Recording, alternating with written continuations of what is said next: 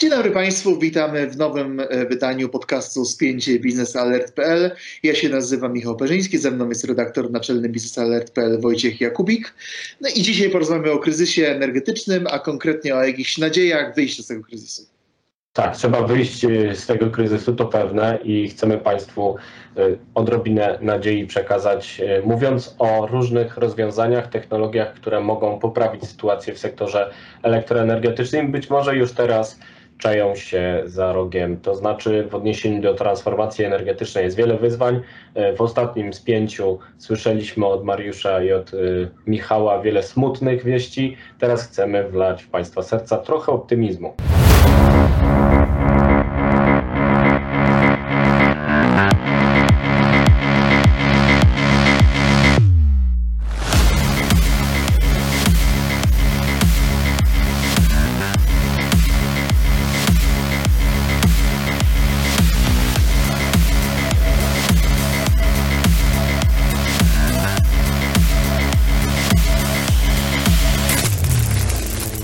Dzisiaj rozmawiamy o y, kryzysie energetycznym y, nie, nie, tylko w kontekście problemów y, czy wyzwań na, na rynkach globalnych ropy, gazu, węgla i energii elektrycznej.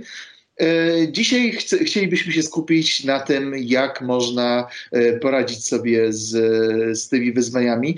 Więc Wojtku, powiedz proszę, co ci przychodzi do głowy, co, co, może napełnić e, serca naszych odbiorców optymizmem, jeżeli chodzi o sytuację na rynkach energetycznych? Na pewno nie może tego zrobić e, doraźna pomoc w postaci subsydiowania cen energii, ciepła, benzyny, obniżania podatków. To wszystko kusi. E, obywatele pewnie często o to pytają, bo liczą na to, że jakieś zamrożenie cen energii i inne tego typu rozwiązania coś zmienią. One nie zmienią za wiele. Być może chwilowo poprawią sytuację na samym rachunku. Będziemy widzieć taką cenę jak w zeszłym roku albo niższą i będą to widzieć najbardziej potrzebujący, nie wszyscy, to też trzeba podkreślić. Natomiast długoterminowo pomagają reformy, zmiany sektora energetycznego, który jest w Polsce po prostu zacofany. Potrzebuje cały czas bardzo dużo paliw kopalnych, które są penalizowane w polityce klimatycznej, są bardzo drogie nieopłacalne. Z drugiej strony odnawialne źródła energii są nieliczne, bo mamy kilkanaście procent tylko odnawialnych źródeł w Polsce, a z drugiej strony potrzebują zabezpieczenia i nawet w Niemczech, w Królestwie odnawialnych źródeł są zabezpieczane paliwami konwencjonalnymi, bo magazynów energii na dużą skalę jeszcze nie ma. I pierwszy taki święty gral energetyki, który mógłby nam tu ktoś, ktoś przywieść, żebyśmy się lepiej poczuli, to właśnie może być technologia magazynów energii, która będzie opłacalna i masowa na dużą skalę, bo ty, Michał, najlepiej wiesz, że założenie energii Wende, czyli zwrotu energetycznego, który właściwie już zaszedł, ma na końcu cel polegający na tym, że idziemy do stuprocentowo odnawialnego miksu energetycznego.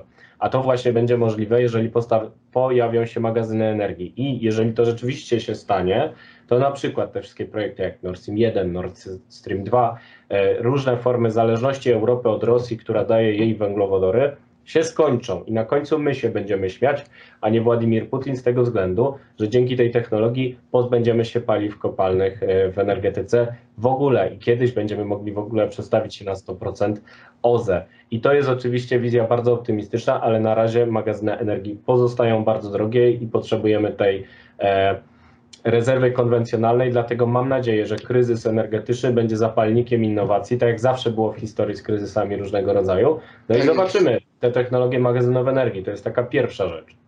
No przecież e, w latach 70., wtedy, kiedy był kryzys naftowy po wojnie na, na Bliskim Wschodzie, to, to był właśnie ten okres, kiedy powstały pierwsze silniki wodorowe, e, kiedy w ogóle zaczęły się rozmowy o e, jakiejś.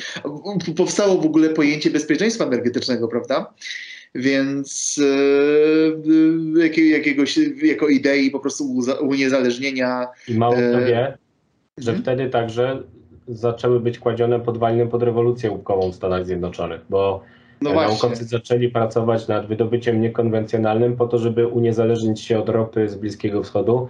Zaczęli wydobywać tę ropę w USA w latach 80. Próbowali, to było bardzo drogie, tak jak teraz technologia magazynowania energii, ale na początku XXI wieku doszło do boomu. Okazało się, że gaz przy tej ropie to nie tylko jest odpad, ale także cenny surowiec, który można eksportować. I Amerykanie są eksporterem węgla, e, przepraszam, gazu e, tak. i ropy zresztą węgla też. Właśnie, więc rozmawiamy tutaj o wzmocnieniu bezpieczeństwa energetycznego, o magazynach energii. Tutaj wydaje się, że takim kolejnym elementem, który mógłby nas uniezależnić od e, importu e, paliw kopalnych z państw, których nie uznajemy za jakoś sojusznicze, byłby e, wodór. Więc z wodorem tutaj Unia Europejska, Polska wiąże różne nadzieje. Mieliśmy podpisanie umowy sektorowej na temat wodoru w Polsce, więc może coś na ten temat. No właśnie, umowa sektorowa to jest porozumienie różnych podmiotów rządowych, biznesowych, naukowych, które mają razem przyspieszać poszukiwanie technologii tego typu. Polska jest y, już liderem, piątym krajem wodorowym w Europie, ale to jest cały czas wodór, który jest odpadem z rafinerii, tak zwany szary wodór. Szary wodór. Docelowy wodór to ten zielony, z odnawialnych źródeł energii oczywiście. I tak, w Polsce jest za mało odnawialnych źródeł energii, żeby e, tworzyć zielony wodór. Jest za mało wody, żeby e, dostarczyć ją do elektrolizerów, czyli tych e, przewodów elektrycznych, powiedzmy w wielkim uproszczeniu, które zamieniają wodę w parę wodną i, i wodór tak jak bateria przykładana do języka, która szczypie dzieci, które się bawią tak. w ten sposób. E, więc y, no, na razie jeszcze u nas ta rewolucja wodorowa, jeśli chodzi o zielony wodór, może nie zajść. Dlatego pewnie będzie jakiś okres przejściowy, w którym wodór będzie na różne sposoby pozyskiwany także z gazu. Tutaj uwaga, żeby nie pochodził czasem z Nord Stream 2, bo to metoda na przedłużenie zależności od Rosji, zamiana gazu na wodór, ale jeżeli ta technologia znowu powtórzy tę krzywą spadku ceny, jak w przypadku odnawialnych źródeł energii, no to wodór jest super, ponieważ może być sam magazynem energii, jeżeli będzie efektywnie wytwarzany. Możemy go sami wytwarzać, prawda? Tak, wytwarzamy wodór, kiedy mamy nadwyżki energii, a potem spalamy go w turbinie gazowej. Siemens już ma takie turbiny yy, i zamieniamy znowu w energię, żeby tylko nie było dużych strat w tym procesie. To jest bardzo ważne i to jest wyzwanie właśnie technologiczne, ale nie, do, nie niemożliwe do pokonania. E, I wtedy służy nam taki wodór jako kolejny magazyn energii. Poza tym wodór można zastosować przy wytwarzaniu energii i ciepła w wysokoenergetycznych procesach przemysłowych, czyli tak jak na przykład teraz stal można wytwarzać tylko z pomocą węgla koksującego. Nie tego energetycznego, tylko koksującego. Nie ma innej opcji.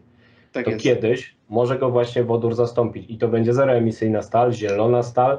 Już pierwsze firmy, o których pisaliśmy w Business Art, e, zajmują się tą technologią, więc jest to jakaś szansa jest to po prostu no, tak naprawdę e, kwestia czasu, prawda? Kiedy, kiedy EU ETS sprawi, że inne technologie będą właściwie nierentowne.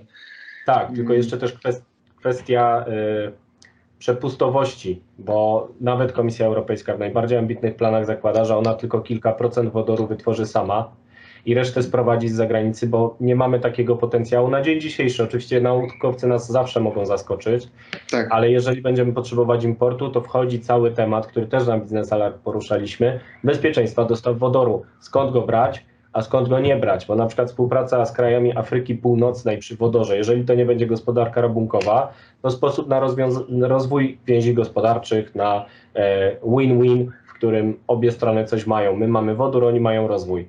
Ale Właśnie. współpraca z Rosją przy wodorze już trochę mniej. A ty pisałeś o tej Afryce dużo w kontekście. Pisaliśmy, o, pisaliśmy o Afryce, jeżeli chodzi o e, e, produkcję i eksport wodoru z Afryki do e, Europy dosyć sporo. E, miło, że przytoczyłeś moją pracę, ale tutaj pisaliśmy o, konkretnie o projektach które e, niemieckie firmy starają się wdrożyć w, demokra w Demokratycznej Republice Konga.